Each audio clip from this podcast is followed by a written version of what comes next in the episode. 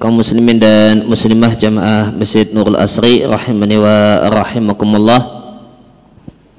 Dalam kesempatan sore hari ini kita akan membahas salah satu bagian dari pembahasan dalam fikih jual beli satu bab yang disebut dengan bab khiyar atau bab kebolehan untuk membatalkan transaksi secara sepihak. Satu hal yang patut untuk kita ketahui bahasanya dalam transaksi jual beli maka hukum asalnya dan posisi asalnya adalah ya, begitu terjadi deal kesepakatan antara penjual dan pembeli maka pada dasarnya transaksi itu bersifat mengikat dan tidak bisa dibatalkan secara sepihak. Jadi hukum asalnya transaksi itu mengikat dan tidak bisa dibatalkan. Namun syariat menetapkan adanya hak pembatalan secara sepihak dan ini adalah bentuk rifqan bimuta'aqidain adalah di antara bentuk kasih sayang Allah Subhanahu wa taala bagi dua pelaku transaksi. Karena boleh jadi setelah mengatakan dan menegaskan oke okay dengan transaksi yang terjadi terjadi perubahan pikiran. Terjadi pertimbangan-pertimbangan baru maka ada yang namanya hak khiar, hak untuk membatalkan transaksi baik itu oleh penjual ataupun oleh pihak pembeli. Maka definisi khiyar adalah e, meminta yang terbaik dari dua pilihan. Meminta yang terbaik, menginginkan dan mengambil yang terbaik dari dua pilihan yaitu melanjutkan transaksi atau membatalkannya. Nah, dalam dalam madhab syafi'i khiyar cuma ada tiga saja. Ya, cuma ada tiga jenis khiyar. Yang pertama adalah khiyar majelis. Ya, yaitu hak untuk membatalkan transaksi jual beli ya, selama masih dua kedua belah pihak berada di lokasi transaksi.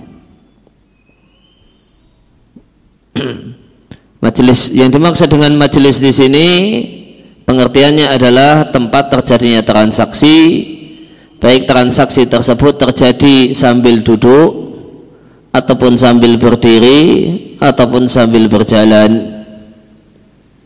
Ini. Maka meskipun namanya majelis yang aslinya makna asalnya adalah tempat duduk tidak diharuskan posisi penjual dan pembeli adalah posisi duduk. Boleh jadi duduk boleh jadi berdiri boleh jadi jalan. Maka selama keduanya masih bersama di lokasi transaksi jual beli maka itulah yang disebut dengan majelis jual beli dan selama keduanya masih di situ maka keduanya punya hak untuk nggak jadi jual beli meskipun sudah deal meskipun sudah sepakat meskipun sudah oke okay dan oke okay.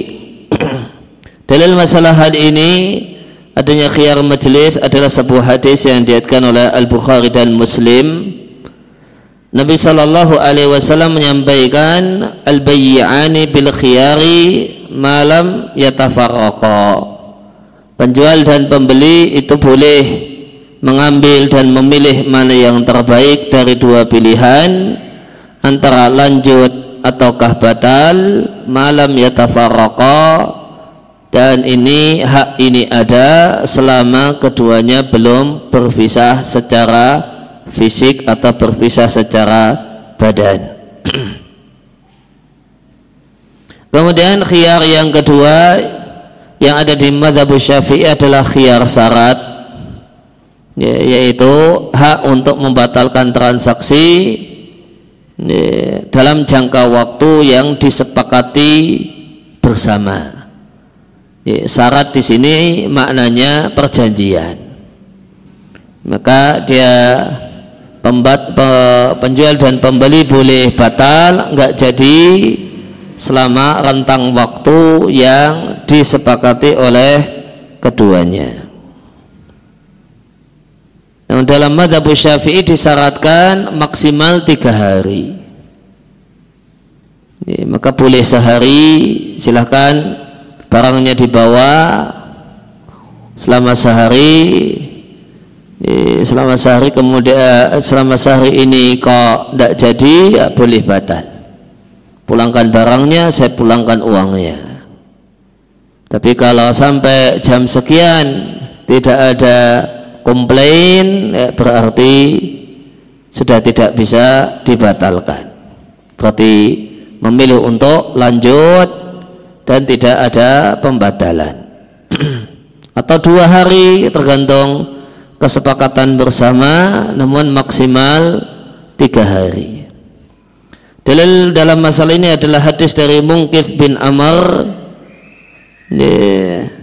Dan Mungkif bin Amr ini adalah seorang yang luka, ya, pernah luka di kepala. Ya, bahasa kita mungkin pernah gegar otak gitu. Eh, pernah luka eh, di kepalanya demikian juga eh, itu menyebabkan ya, luka di kepala ketika itu kemudian berdampak pada lisannya sehingga ya, sehingga agak gagap bicaranya. Wa kana la yadau ala dzalika tijarata. Dan meskipun demikian setelah sehat setelah sembuh beliau tetap melanjutkan kegiatannya dalam berdagang. Namun ya, otaknya tidak se sebaik kondisi sebelum ya, luka. Sehingga fakana la yazalu yurbanu maka beliau terus menerus mengalami roban mengalami kerugian. Jualnya kemurahan atau kulaannya kemahalan. Akhirnya dia datang pada Nabi Shallallahu Alaihi Wasallam dan menyebutkan kasusnya. Lantas Nabi Shallallahu Alaihi Wasallam mengatakan Ida anta bayata maka Nabi ngasih solusi ngasih kiat. Ida anta bayata jika engkau mengadakan transaksi jual beli fakul la khilabata. Maka sampaikan kepada mitra transaksimu ya, tidak ada tipu menipu di sini ya. ya dia minta syarat minta janji kalau tidak ada tipu menipu dalam hal ini Thumma anta fi kulli sil'atin ibta'taha bil khiyari thalatha layalin. Lantas setiap barang yang engkau beli maka minta hak khiyar. Mintalah hak khiyar selama tiga hari. Nanti dibalang, dibawa ke rumah sampai selama tiga hari. Jadi nanti komentar orang rumah gimana harganya sekian? Oh tidak masalah itu murah. Ya, berarti lanjut karena orang ini akalnya sudah error. Ya, akalnya sudah tidak begitu baik. Maka Nabi katakan Nabi suruh setiap beli minta. Ya, minta waktu untuk berpikir ya, selama tiga hari. Fa'in radita fa'amsik. Jika selama tiga hari tersebut engkau ridha akhirnya keputusannya ridha tidak masalah ya sudah pegang terus barangmu. Wa in sakhitta fardudha ala sahibiha. Namun jika engkau marah engkau tidak suka setelah sampai di rumah ternyata orang-orang rumah bilang ini kemahalan. Fardudha ala sahibiha kembalikan kepada yang jual. Demikian dalam hadis yang diatkan oleh Ibnu Majah dari sini disimpulkan adanya hak khiar, hak untuk batal berdasarkan perjanjian yang diadakan antara diadakan oleh penjual dengan pembeli. Kemudian yang ketiga ada hak membatalan transaksi karena cacat barang.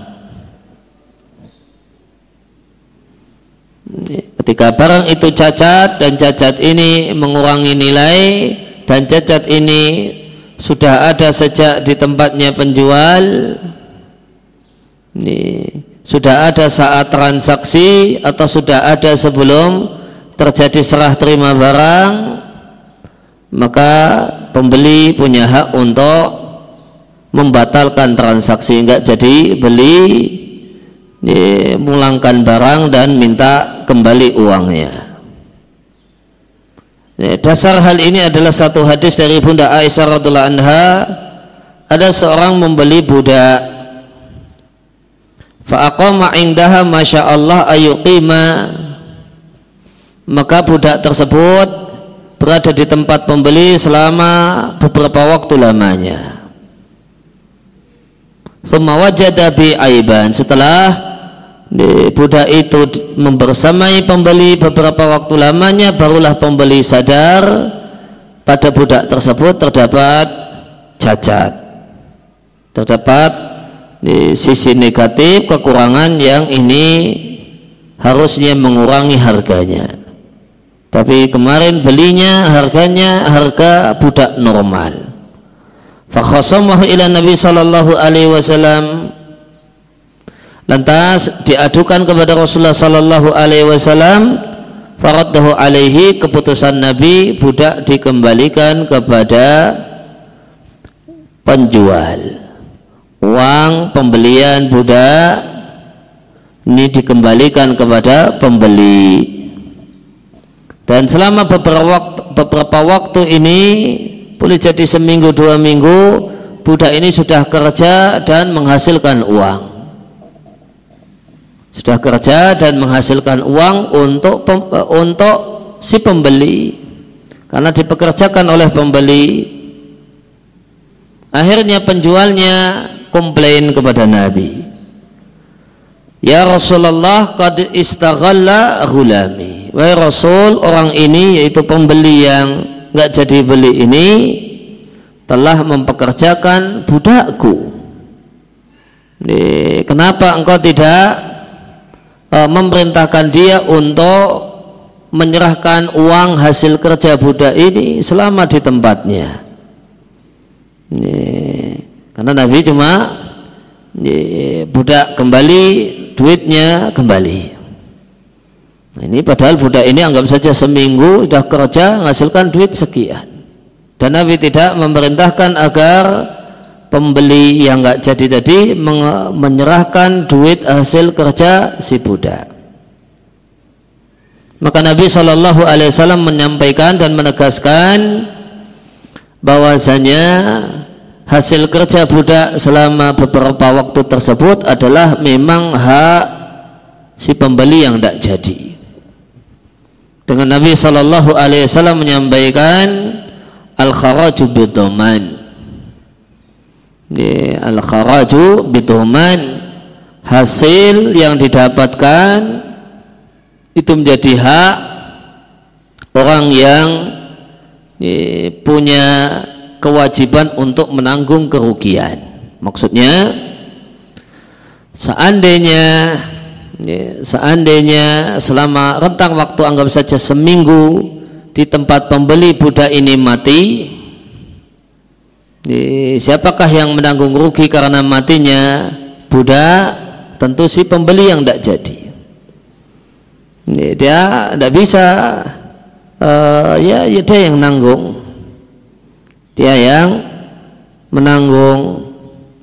Seandainya budak ini mati selama berada di tempatnya pembeli maka si pembelilah yang menanggungnya oleh karena itu keuntungan yang didapatkan dari kerja budak ini itu menjadi hak si pembeli.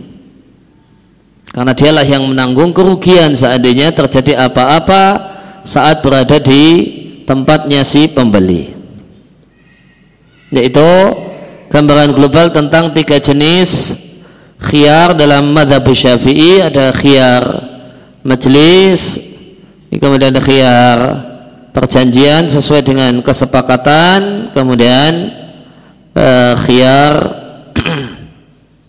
karena adanya cacat pada objek transaksi jual beli.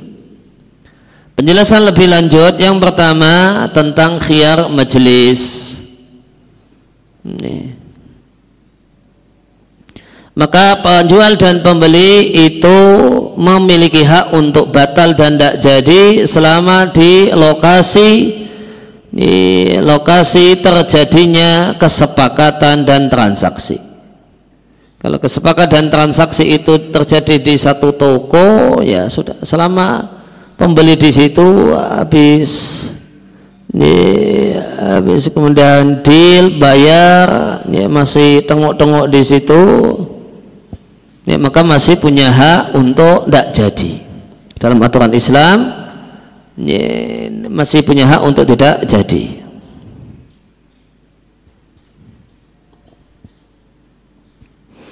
Wayas betul dalika fi jami'an wa baik dan ini berlaku untuk semua bentuk transaksi jual beli.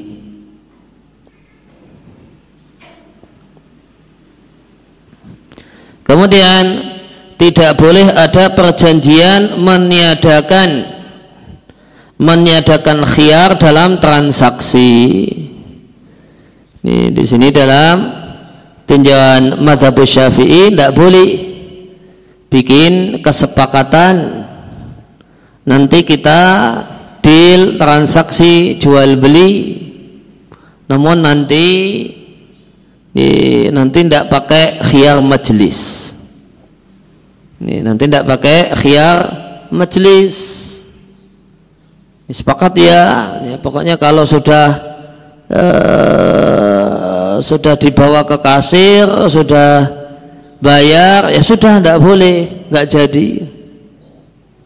Ini di, ditegaskan di di sini di menurut versi madhab syafi'i semacam ini tidak boleh. Semacam ini perjanjian yang terlarang. Itulah perjanjian yang banyak tercantum di banyak nota. Barang yang sudah dibeli, yang sudah dibayar, tidak boleh dikembalikan. Maka ini kalau dari sudut pandang madhab syafi'i ini berarti ini perjanjian untuk menghilangkan khiyar majelis dan ini satu hal yang tidak boleh. Perjanjian yang tidak boleh. Karena syariat menetapkan adanya khiyar majelis. sudah dibayar, sudah dibeli, sudah dibayar, namun masih duduk-duduk di situ, kemudian berubah pikiran, ya boleh saja dibatalkan. Dan tidak boleh ditanya kenapa tidak jadi. Ya, tidak boleh dan tidak ada, tidak boleh ditanya dan pembeli tidak ada kewajiban untuk beralasan. Alasannya boleh beralasan saya berubah pikiran. Pembeli boleh beralasan alasannya saya berubah pikiran. Saya kok ragu uh, untuk beli ya. Saya batalkan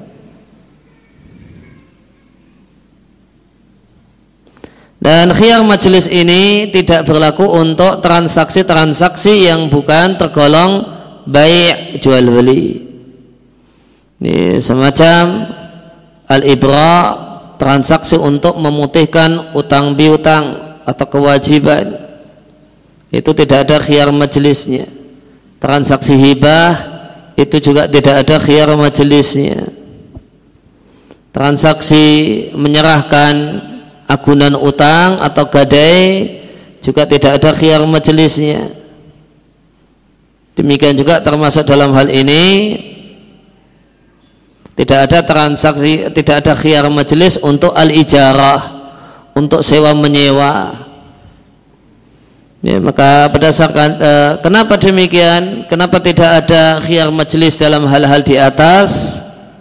Karena hal-hal di atas semuanya tidak disebut baik jual beli sedangkan hadis tentang khiyar majelis itu hanya dijumpai pada bab pada bahasan jual beli.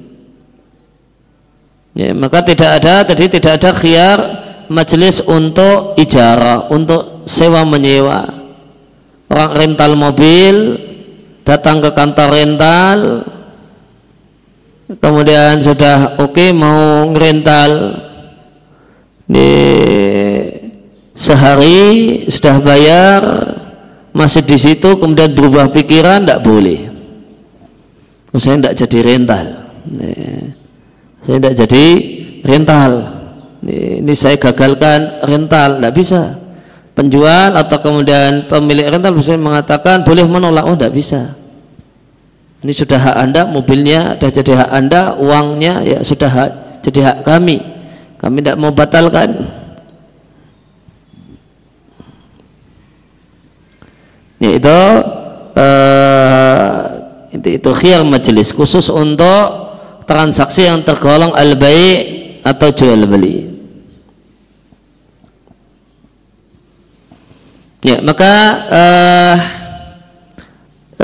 bisa kita simpulkan adanya sejumlah syarat untuk adanya khiyar majelis. Yang pertama adalah khiyar majelis itu ada pada transaksi yang profit mencari keuntungan murni untuk mencari keuntungan. Sehingga tidak ada khiyar majelis untuk transaksi atau akad nikah. Loh, akad nikah tidak ada khiyar majelisnya. Ini selama masih di tempat itu, wah, kemudian walinya bilang, oh maaf gak jadi nggak jadi. Tadi uh, saya ralat semua. Itu tidak bisa. Atau pengantin laki-lakinya kemudian mengatakan gak jadi saja pak ya, nah batal batal saja. Itu juga tidak bisa. Karena tidak ada khiyar majelis dalam eh, dalam akad nikah ya, ada khiyar majelis dalam akad jual beli namun tidak ada khiyar majelis dalam akad nikah. Kenapa demikian? Karena eh, akad nikah itu normalnya tidak akan terjadi kecuali setelah melalui proses panjang. Dilihat dulu calonnya kemudian Eh, mantap kemudian akad nik eh, kemudian dilamar kemudian eh, baru kesepakatan hari akad nikah prosesnya panjang. Ini, sehingga semuanya tentu telah dipikir ditimbang masak-masak sekali. Lain hanya dengan keinginan untuk beli barang. Itu terkadang terja, uh, beli barang itu keinginan sesaat Buktinya ibu-ibu pergi ke toko rencananya cuma beli tiga barang ini sudah ditulis satu dua tiga. Nah, sampai toko jadi enam tambahnya empat lima enam. Ah. dari mana ini munculnya empat lima enam itu? Keinginan sesaat. Pas lihat barang, pas masuk toko lihat barang, waduh ini bagus sekali beli. Nah, jadi empat oh ini lagi jalan lagi oh ini bagus banget. Ah beli. Jadi barang yang kelima dan seterusnya. Ini maka bisa membengkak 100% atau bahkan 200% atau bahkan 300% rencananya beli tiga jadi enam atau jadi sembilan atau malah jadi sepuluh. Berarti didominasi jual beli itu didominasi keinginan sesaat. Nah karena sering kali jual beli itu karena keinginan sesaat maka kemudahan syariat ada khiyar majelis karena setelah deal boleh jadi dipikir ulang dan ketemu waduh ini barangnya sudah ada di rumah ternyata. Ini barangnya sudah ada di rumah lah ini malah double kalau beli ini akhirnya tidak jadi. Ini ingin dibatalkan. Nah di situ e, di situlah maka ada e, di situlah keindahan aturan adanya khiar majelis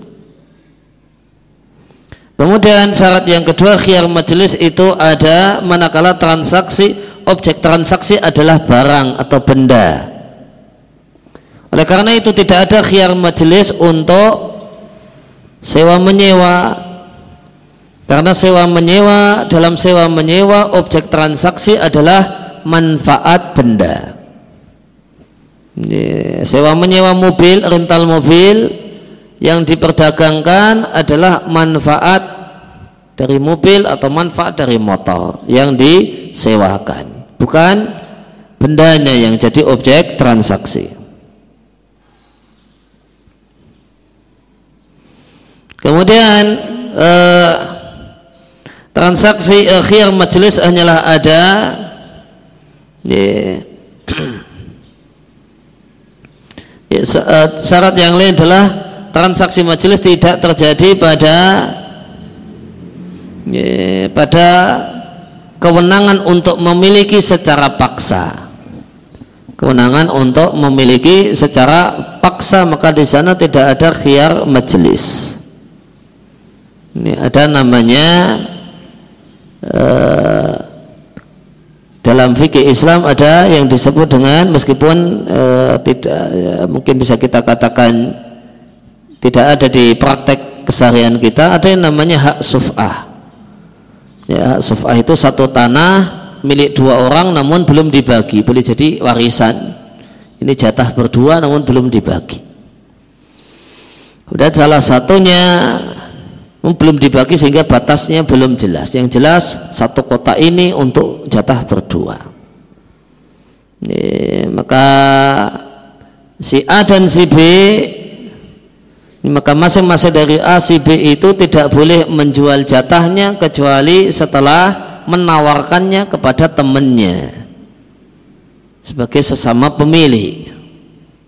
Ya, satu kota ini milik A dan B ketika A mau jual miliknya harus nawari si B.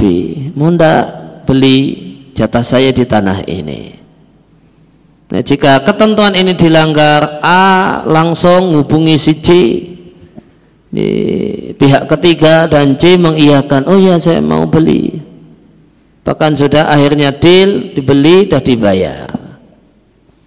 Padahal A tidak ngomong sama si B maka si B itu punya hak memiliki secara paksa ya, maka B punya hak untuk memiliki secara paksa. B nemui si C dan mengatakan betul engkau beli jatahnya si A di tanah situ. Oh iya betul. Ini kamu bayar berapa? Ini saya bayar 100 juta. Maka si B mengatakan saya punya hak suf'ah di tanah itu. Ini saya punya hak suf'ah di, di, di tanah itu dan saya mau ambil hak suf'ah saya ini uang 100 jutanya saya kembalikan pakai duit saya dan itu milikku. Kamu suka tidak suka itu milikku. Nah, maka dia si B ini punya hak untuk memiliki secara paksa. Nah ketika si B mengambil hak suf'ah ini dari si C ini, di situ tentu ada majelis ada tempat untuk ini, pengambilan suf'ah, nah, di situ tidak ada khiar majelis. Di situ tidak ada khiar majelis. Ini di antara ketentuan untuk khiar majelis. Kemudian khiar majelis itu kan adalah hak untuk membatalkan transaksi jual beli selama di lokasi transaksi. Maka kapan khiar majelis ini berakhir? Maka khiyar majelis ini berakhir. Ya, dengan beberapa hal. Dengan salah satu dari dua hal. Yang pertama adalah karena e, keinginan untuk meniadakan ya, khiyar majelis setelah akad dilakukan akad itu apa? Transak atau transak akad atau transaksi itu kesepakatan. Deal terjadi kesepakatan antara A dan B. Setelah deal ya, setelah bayar-bayaran ya, keduanya sepakat untuk tidak ada untuk menghilangkan khiyar majelis keduanya sepakat untuk menghilangkan khiyar majelis udah deal dulu udah serah-serahan dah uh, serah-serahan ini duit diserahkan barang diserahkan. Kemudian keduanya sepakat ini tidak ada khiyar majelis ya. Ya sepakat. Maka khiyar majelis hilang. Atau salah satunya menegaskan kalau dia tidak akan membatalkan transaksi ya, meskipun temannya tidak. Misalnya penjual mengatakan setelah deal saya tidak mengambil hak khiyar majelis ya sudah maka khiyar majelis menjadi hak penjual hilang dan khiyar majelis untuk hak pembeli masih ada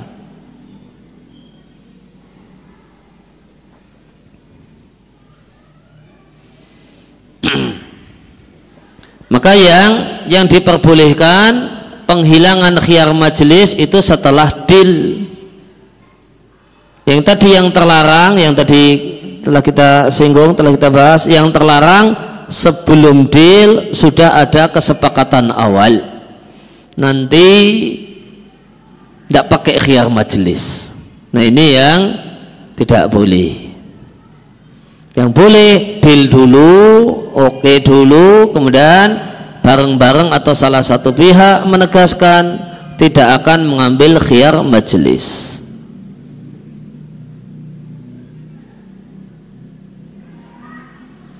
kemudian yang kedua khiyar majelis itu hilang dengan perpisahan fisik. Perpisahan fisik misalnya transaksi terjadi di satu kios atau satu warung satu toko. Kemudian sudah serah-serahan nah, terus pembeli keluar dari toko ke tempat parkir motor. Sudah berpisah sudah keluar dari lokasi. Ini, maka dia tidak lagi punya hak khiar majelis Sudah sampai parkiran, balik lagi masuk, terus mengatakan saya nggak jadi beli. Maka penjual mengatakan, oh tidak bisa. Boleh mengatakan tidak bisa. Ini kalau tidak ada sebabnya, tidak ada alasannya, cuma berubah pikiran tidak bisa. Tapi kalau ada alasannya ya nanti kita bisa rembuk. Tapi kalau cuma sekedar perubahan pikiran tidak bisa. Karena sudah terjadi perpisahan fisik antara penjual dan pembeli. Nah, apa tolak ukur perpisahan fisik urfan budaya? Syariat tidak menentukannya. Sehingga kembali kepada budaya yang berlaku kalau sudah semacam ini apakah sudah terjadi perpisahan fisik dari lokasi transaksi ataukah belum? Kalau budaya masyarakat mengatakan sudah berarti sudah. Kalau oh belum itu masih satu lokasi. Ya sudah maka masih satu lokasi. Dan ini menyebabkan perpisahan fisik ini menyebabkan bat, uh, hilangnya khiyar majelis walau kana jahlan au sahwan. Meskipun karena tidak tahu. Tidak tahu kalau dengan demikian hilanglah khiar majelis meskipun dia tidak tahu tetap hilang manakala telah terjadi perpisahan fisik. Ini karena belum ngaji fikih jual beli ya tidak tahu semacam ini. Ya tinggal ini bikin deal di sini kemudian pergi ya. Maka meskipun dia perginya itu tidak tahu kalau itu berdampak kalau itu berarti hilanglah khiyar majelis ya tetap hilang khiyar majelis sahwan atau itu terjadi karena lupa. Dia beli di satu toko toko ini punya bagian yang luas sudah deal sudah beli ini setelah itu masih jalan-jalan. Pas saat jalan-jalan dia kepikiran ah nanti ini tidak jadi beli yang barang ini nggak jadi beli saya mau beli yang ini saja. Pas setelah itu jalan-jalannya di situ dilanjutkan ternyata malah ya, harusnya mau balik ya, malah keluar ya, malah keluar ke parkiran. Setelah parkir uh, tadi mau balik ini nggak jadi beli kalau kok malah sampai sini. Ya sudah hilang khiar majelisnya meskipun ini terjadi sahwan dalam keadaan lupa Waktiaran dan khiar majelis itu hilang manakala perpisahan fisik itu terjadi tanpa ada pemaksaan. Khiar majelis itu hilang manakala terjadi perpisahan fisik dan ini terjadi tanpa ada pihak-pihak yang dipaksa. Maka selama keduanya masih berada di lokasi transaksi jual beli, baik posisinya duduk atau posisinya berdiri atau jalan. Menjadi ini, jalan pagi bareng ternyata pada saat itu bikin deal ini, kesepakatan untuk jual beli apa. Ini, yang dibawa saat jalan pagi bareng tadi. Muter nih, ya. dari tempat kos-kosan sampai balik lagi kos-kosan bareng. Padahal sekian kilo. ini, maka itu semua perjalanan itu semuanya namanya masih satu majelis ini, meskipun ini muternya 3 kilo jalan barengnya. Tadi deal keluar dari kos bareng tadi deal beli apa? Beli sepatu. Ini sepatunya saya jual. Nah. Kemudian jalan bareng sampai 3 kilo. Nah, itu balik lagi. Nah, itu masih satu majelis. Karena majelis di sini adalah tempat terjadinya transaksi tidak disyaratkan harus duduk. Boleh jadi berdiri, boleh jadi sambil jalan. Maka selama keduanya tidak berpisah, kalau berpisah di tengah jalan kemudian salah satu pergi ke uh, toilet misalnya, nah itu sudah berpisah. Tapi kalau tidak masih bareng terus maka masih satu majelis. Ya, maka selama meskipun itu waktunya lama maka hak khiyar atau hak pembatalan itu masih ada. Meskipun keduanya sudah tidak ngobrolkan tema itu. Nah, sudah deal kemudian ganti obrolan di masalah yang lainnya. Kemudian tolak ukurnya tolak ukur berpisahnya adalah budaya. Maka semua yang dinilai budaya masyarakat setempat adalah perpisahan fisik dan perpisahan badan maka itu adalah perpisahan fisik dan badal badan yang menyebabkan hilangnya khiar majelis Oleh karena itu maka sebagai gambaran kalau berpisah di e, toko yang kecil maka dengan keluar dari toko itu sudah berpisah. Adapun jika perpisahan itu di kios besar maka dinilai berpisah manakala berpindah dari satu kios ya di situ ada bagian-bagiannya maka keluar ke bagian yang lain itu sudah dinilai berpisah.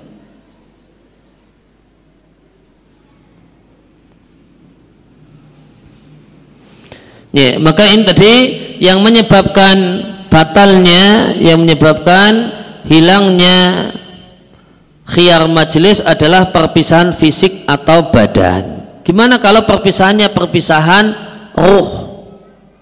Jawabannya khiyar majelis tidaklah hilang karena perpisahan ya perpisahan ruh.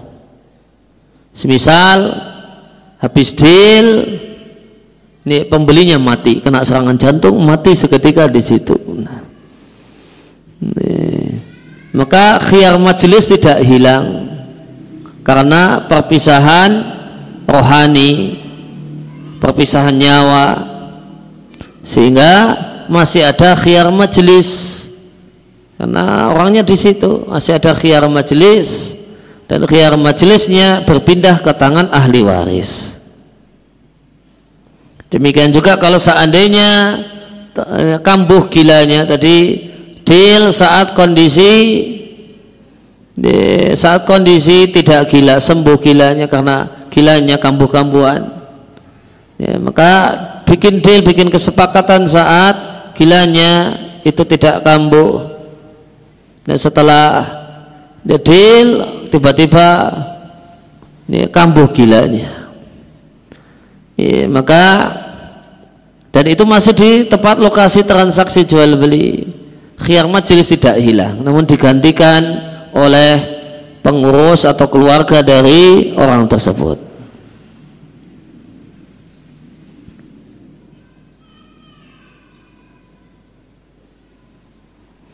kemudian demikian juga jika perpisahannya itu bukan karena sukarela ada pihak yang dipaksa.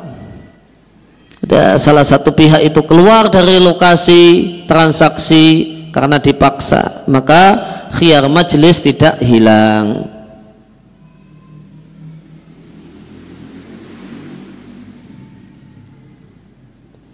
Maka seandainya salah satu dipaksa untuk keluar maka khiyar majelis tidak hilang. Yeah. Demikian juga seandainya salah satu dilarang untuk keluar, ya, maka ya,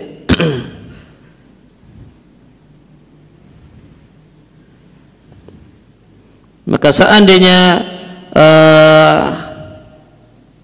ya, salah satu kemudian dilarang untuk keluar maka falamuni al-khar min al-khuruji ma'ahu.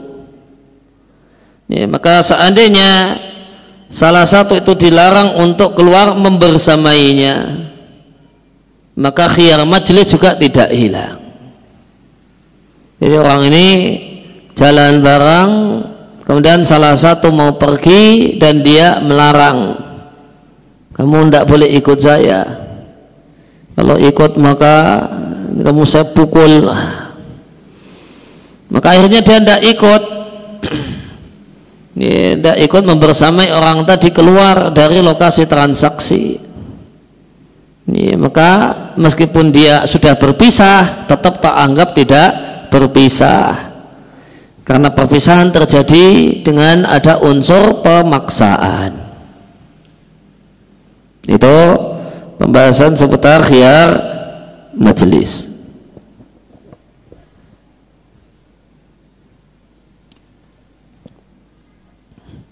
Dan tadi kita sampaikan bahasanya khiyar majlis itu adalah bagian dari uh, keindahan aturan Islam, ya, keindahan aturan Islam yang memberikan kesempatan kepada penjual dan pembeli untuk berpikir ulang dengan transaksi jual beli yang dilakukan.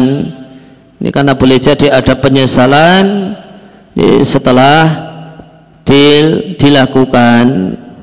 Karena jual beli itu sering kali dilakukan karena keinginan sesaat. Sehingga e, berpikirnya tidak lengkap. Baru setelah sepakat baru oh ada pertimbangan-pertimbangan baru ya, maka karena demikianlah keadaan orang dalam jual beli maka di antara bentuk indahnya aturan Islam ditetapkannya adanya khiyar majelis Demikian kurang lebih yang kita bahas dalam kesempatan sore hari ini. Wassallallahu ala nabiyina Muhammadin wa ala alihi wa sahbihi wasallam wa da'ana alhamdulillahi rabbil alamin. Silakan jika ada pertanyaan terutama seputar materi khiyar majelis secara khusus atau khiyar secara umum atau jual beli secara lebih umum lagi. Baik, silakan mungkin ada yang mau bertanya, baik Iwan maupun Awad ya. Yang Iwannya ada yang mau bertanya? Yang Awad mungkin?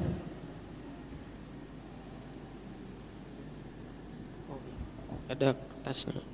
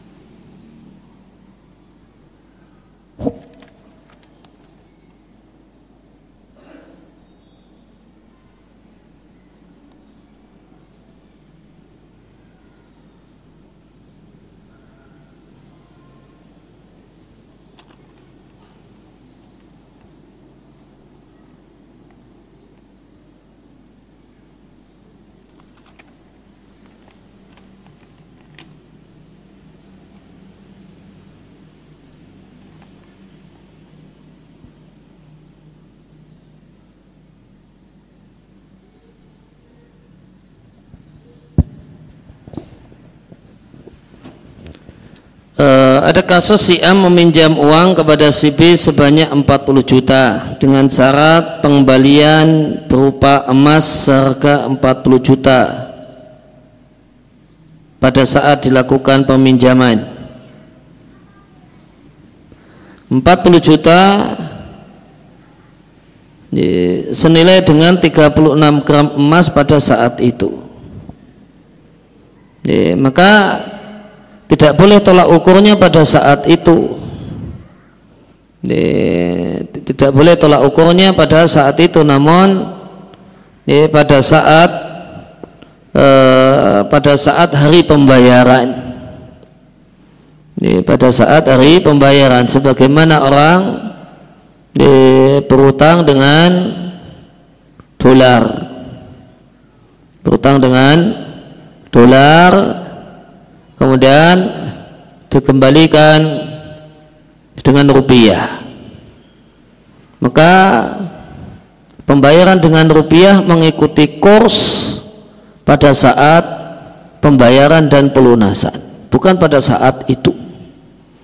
Bukan pada saat awal namun pada saat pelunasan. Pada saat pelunasan kursnya berapa? Nah itu yang yang menjadi kewajiban bukan pada saat itu.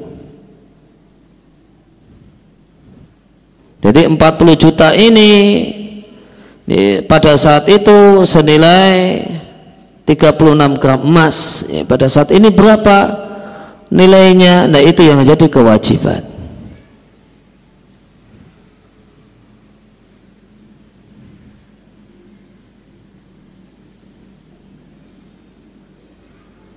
Pada saat itu tidak ada tenggang waktu pembayaran. Ya, tidak ditentukan kapan harus melunasi. Untuk menjamin hutang tersebut, si A menggadaikan sawahnya kepada si B. Si B menggarap sawah tersebut selama dua tahun. Hasil panennya digunakan untuk kebutuhan sehari-hari. Setelah dua tahun, si B sadar terdapat unsur riba ini karena memanfaatkan hasil sawah tersebut. Sehingga terjadi kesepakatan si B membeli sawah tersebut kepada si A. Sebanyak uang yang dipinjam si A yaitu 40 juta. Sebenarnya sawah tersebut harganya melebihi 40 juta jadi dibeli dengan harga 40 juta, dianggap dibeli dengan harga 40 juta padahal harga normalnya lebih dari 40 juta. Dan kemudian masih si B harus memberi uang tambahan. Maka ini transaksi yang terlarang. Nah Nabi Shallallahu Alaihi Wasallam anil bai'i was salaf. Terdapat hadis yang diatkan oleh Abu Dawud. Nabi Shallallahu Alaihi Wasallam melarang transaksi jual beli yang bercampur dengan transaksi hutang piutang. Ini, maka di sini terjadi pencampuran transaksi jual beli dengan utang piutang. Dia utang piutang ada utang piutang 40 juta, kemudian ada jual beli sawah. Kenapa Nabi larang? Uh, utang piutang dicampur dengan jual beli karena posisi orang yang berhutang itu posisi lemah tidak setara. Nanti ketika si uh, orang yang berhutang ini jual barang nanti akan ya, dikhawatirkan dia tidak akan dibeli dengan harga normal. Sebagaimana yang terjadi di kasus ini ini, jadi sawah ini harganya lebih dari 40 juta. Sehingga kalau ini, kalau seandainya dibeli dengan normal boleh jadi harganya 80 juta. Ya, harga normal boleh jadi harganya 80 juta. Malah yang bayar yang utangi. Yang bayar yang yang utangi yang bayar. Ini terjadi manakala setara tapi karena posisinya posisi lemah karena dia orang yang berhutang, maka orang yang mengutangi kemudian langsung matok harga. Ini, ini harganya 40 juta. saya beli namun 40 juta hmm. dan ini sebenarnya di kasus yang ditanyakan tidak bisa jadi solusi tidak bisa jadi solusi solusinya solusinya tidak harus beli. Tidak harus beli sawah namun hasil sawah selama dua tahun itu dinilai normalnya harganya berapa dan itu motong utang. Itu motong utangnya. Solusinya demikian. Oh hasil sawah. Ya, karena ini sawahnya di tepi uh, irigasi, ya, ya, empat bulan sekali panen, berarti setahun sudah tiga kali panen. Dua tahun berapa? Satu kali panen berapa ton? Nilainya berapa? Nih, anggap saja misalnya dua tahun itu nilainya 30 juta. Ya sudah, sawah dikembalikan kepada yang punya kemudian dikatakan kepada yang punya Anda telah mengangsur senilai 30 juta. Silahkan lunasi lengkapi 40 jutanya. Gitu tidak dengan beli. Kalau kemudian uh, itu solusinya.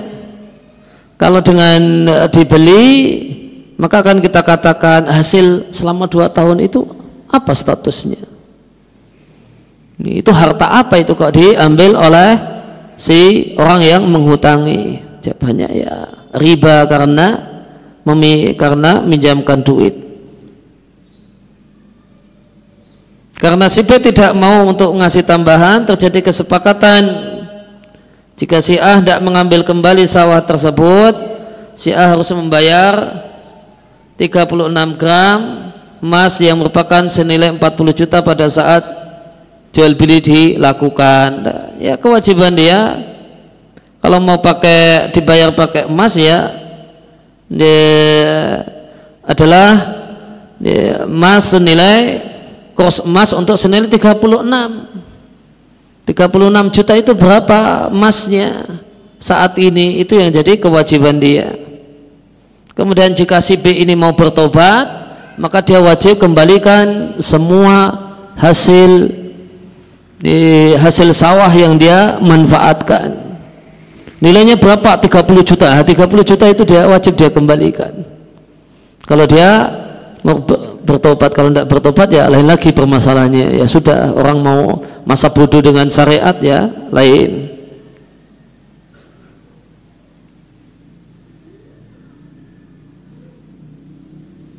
Bagaimanakah hukum berangkat umrah secara cicilan melalui lembaga pembiayaan yang mana sistemnya hanya dengan bayar DP 10% setelah itu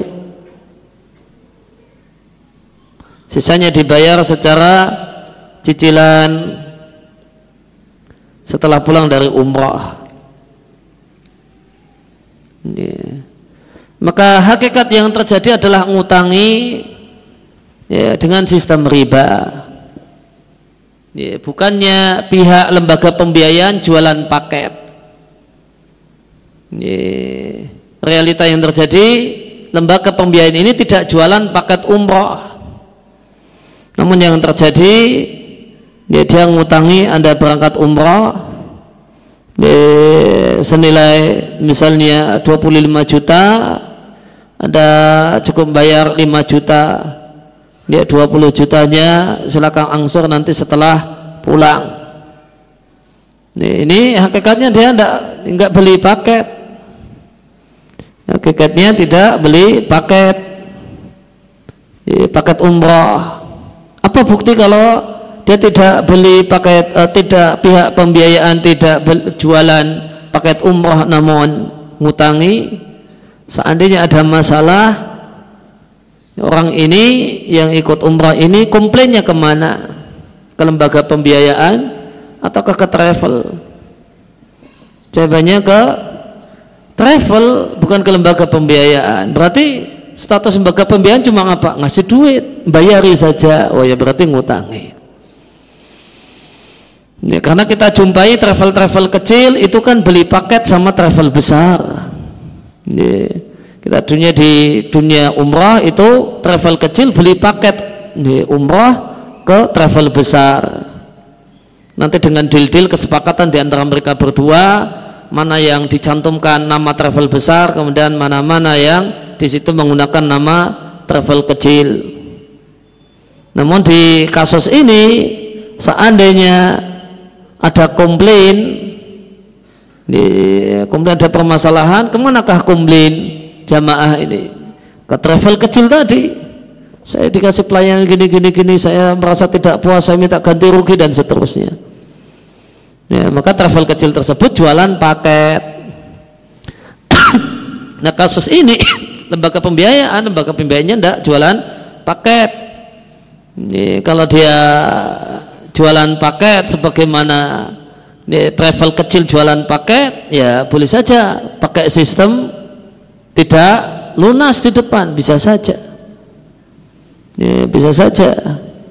Tapi nyatanya dia tidak jualan paket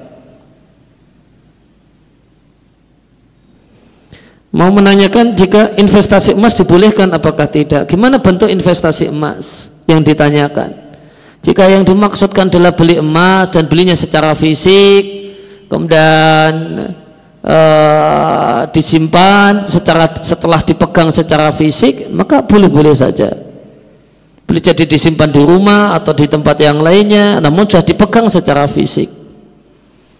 Tapi kalau katanya beli emas namun nggak pernah pegang fisiknya dan itu dikatakan investasi emas, maka ini haram. Karena jual beli emas itu harus megang fisik.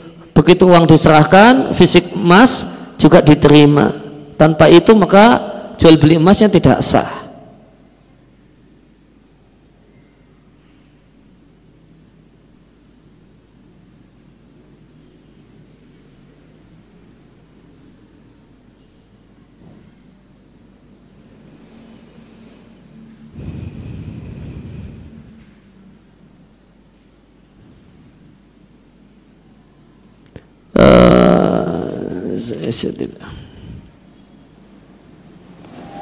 Apa hukum forex?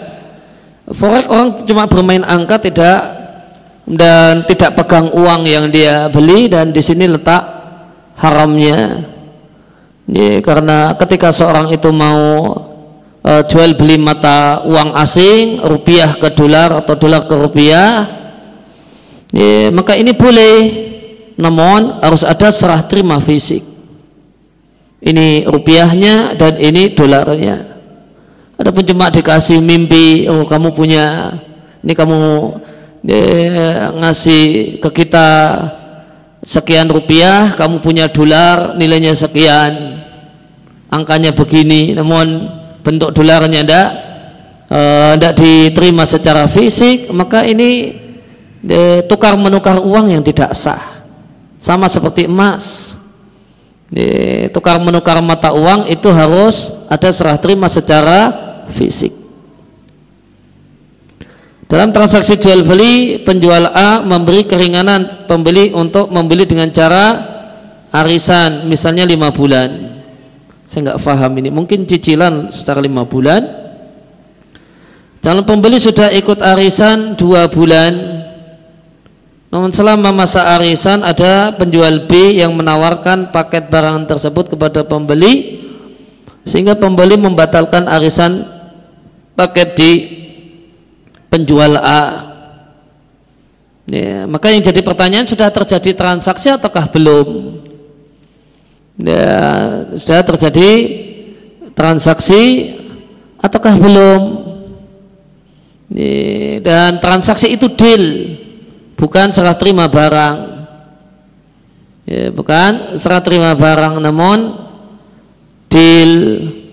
Kalau dia uh, sudah deal ya, sudah deal untuk ini kemudian datang penjual B maka penjual B ini melakukan hal yang haram.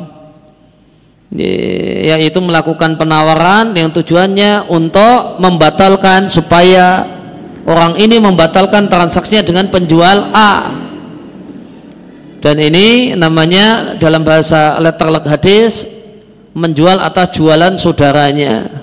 Tidak boleh demikian. Kalau sudah tahu dia sudah cocok dengan si A, maka tidak boleh didatangi si pembeli supaya kamu batalkan sama si A, saya jual untukmu barang yang lebih murah. Ini satu hal yang tidak boleh. Di memberikan penawaran penjualan dalam tujuan untuk memprovokasi orang tersebut agar batal jual belinya dengan pihak sebelumnya. Kemudian jika ini telah deal, ya, telah deal maka ada ada aturan. Ya, maka pada dasarnya tadi kita sampaikan jual beli itu mengikat. Kecuali ada khiar. Nah, apakah ini masuk khiar khiar yang ada? Nah, jika tidak masuk khiyar yang ada maka tidak boleh dia melakukan pembatalan. Ya, dia tidak boleh melakukan pembatalan dengan uh, penjual yang pertama. Ya, demikian yang kita bahas kesempatan sore hari ini.